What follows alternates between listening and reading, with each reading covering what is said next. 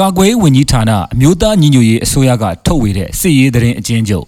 သတင်းအနှစ်ချုပ်ယနေ့၈ရက်6လ2021မှာကချင်ပြည်နယ်ရှမ်းပြည်နယ်စကိုင်းတိုင်းနဲ့မန္တလေးတိုင်းတို့မှာတရားသောခုခံတော်လှန်စစ်ပွဲ၄ခုဖြစ်ပွားခဲ့ပါတယ်။အာဏာသိမ်းစစ်ကောင်စီဘက်က16ဦးသေဆုံးပြီး9ဦးပြင်းထန်ထိခိုက်ဒဏ်ရာရရှိခဲ့ပါတယ်။ပြည်သူ့ရင်ခွင်ခိုလုံခြင်းကြောင့်ကာကွယ်ရေးဝန်ကြီးဌာနကိုလာရောက်ဆက်သွယ်မှုများကိုလည်းလက်ခံရရှိထားပါတယ်။ မြေပြင်သတင်းတာဝန်ခံများနဲ့သတင်းဌာနများကဖော်ပြလာတဲ့အချက်အလက်များပေါ်အခြေခံပြုစုထားခြင်းဖြစ်ပါတယ်။စစ်ကောင်စီနဲ့တိုက်ပွဲဖြစ်ပွားမှု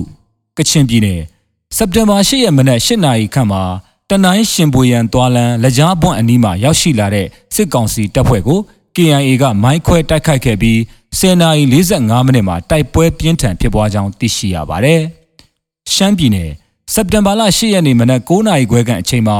ဖဲခုံမြို့နယ်ကုန်းစုံကျေးရွာအုပ်စုပူချေရွာအကြားမှာဖဲခုံအခြေစိုက် KNDF တပ်ရင်းနဲ့ဖဲခုံ PDF ပူးပေါင်းတပ်များဟာစကားစတပ်များနဲ့ထိတွေ့မှုဖြစ်ပွားခဲ့ပါတယ်။စကားစတပ်သား9ယောက်ကြာဆုံးပါတယ်။စကိုင်းတိုင်းစက်တင်ဘာ10ရက်နေ့မနက်10:00နာရီခန့်ကမြောင်မြို့နယ်မြစ်ဆုံရွာနဲ့ပေါက်ချောင်းရွာအကြားမှာစကားစတပ်များကလက်နက်ကြီးငယ်များနဲ့အချက်30ခန့်ပစ်ခတ်ရာဒေသကာကွယ်ရေးတပ်များကဒေသခံများနဲ့အတူပူးပေါင်းပြီး ခုခံမှုများပြုလုပ်ခဲ့ကြောင်းသိရပါတယ်။တိုက်ပွဲဖြစ်ပွားမှုမှာဒေသကာကွယ်ရေးတပ်ကတပ်စုခွဲကစနစ်တကျနေရာယူတိုက်ခိုက်ခဲ့တဲ့ဖြင့်စကားစဘက်ကစကားစတက်၄ယောက်သေဆုံးပြင်းထန်ဒဏ်ရာ၃ယောက်ဖြစ်ခါအရက်သားတဦးကြီးထိမှန်ခဲ့ကြောင်းသတင်းရရှိပါရတယ်။စက်တင်ဘာလ10ရက်နေ့မနက်ပိုင်းမှာစကိုင်းတိုင်းဒေသကြီးပလဲမြို့နယ်မှာစိုက်ကယ်များနဲ့တက်လာတဲ့အကြမ်းဖက်စစ်ကောင်စီတပ်စစ်အင်အား30ကျော်အားပြည်သူတော်လှန်ရေးတပ်မတော် PRA နဲ့ဒေသကာကွယ်ရေးတပ် PDF ပူးပေါင်းတပ်ဖွဲ့တို့ကမိုင်းဆွဲတိုက်ခိုက်ခဲ့ရာအကြမ်းဖက်စစ်ကောင်စီတပ်ဘက်က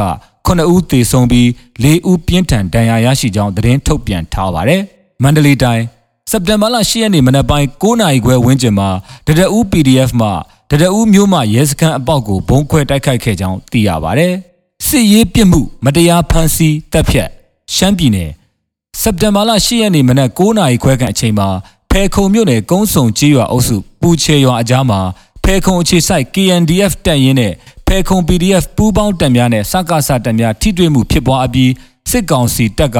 စိုင်ကယ်စီးလာတဲ့အရက်သား2ဦးကိုအကြောင်းမဲ့ပစ်ခတ်တပ်ဖြတ်ခဲ့ပါတယ်။ကရားပြည်နယ်စက်တင်ဘာလ10ရက်နေ့မှာကရင်ပြည်နယ်ဒီမော့ဆိုမြို့နယ်စံပြ6မိုင်ကျေးရွာအတွင်းပြည်သူလူထုနေအိမ်များကိုအကြမ်းဖက်စစ်ကောင်စီကအကြောင်းမဲ့မီးရှို့နေကြောင်းသိရပါတယ်။စံပြ6မိုင်နဲ့ဒေါ်ပိုးစီကျေးရွာများမှာအကြမ်းဖက်စစ်ကောင်စီတပ်များအင်အား300ခန့်တက်ဖြန့်ထားတယ်လို့လည်းသိရပါတယ်။ စကိုင်းတိုင်းစက်တင်ဘာလ10ရက်နေ့မနက်ပိုင်းကစကိုင်းတိုင်းကလေးမြို့နယ်တင်သားရွာကိုအကြမ်းဖက်စစ်တပ်ကမီးရှို့ဖျက်ဆီးခဲ့ပါတယ်။ရှားဖို့ကျေးရွာကိုလည်းဝင်ရောက်စီးနင်းခဲ့ပါသေးတယ်။တင်သားကျေးရွာမှာအကြမ်းဖက်စစ်တပ်ကတက်ဆွဲထားတာကြောင့်အနီးပတ်ဝန်းကျင်ကကျေးရွာပေါင်း14ရွာကဒေသခံများထွက်ပြေးတိမ်းရှောင်နေရပြီးကလေးဒေတာမှာစုစုပေါင်းစစ်ဘေးရှောင်4000 5000ကြားရှိလာပြီဟုသိရပါတယ်။အထွေတွေ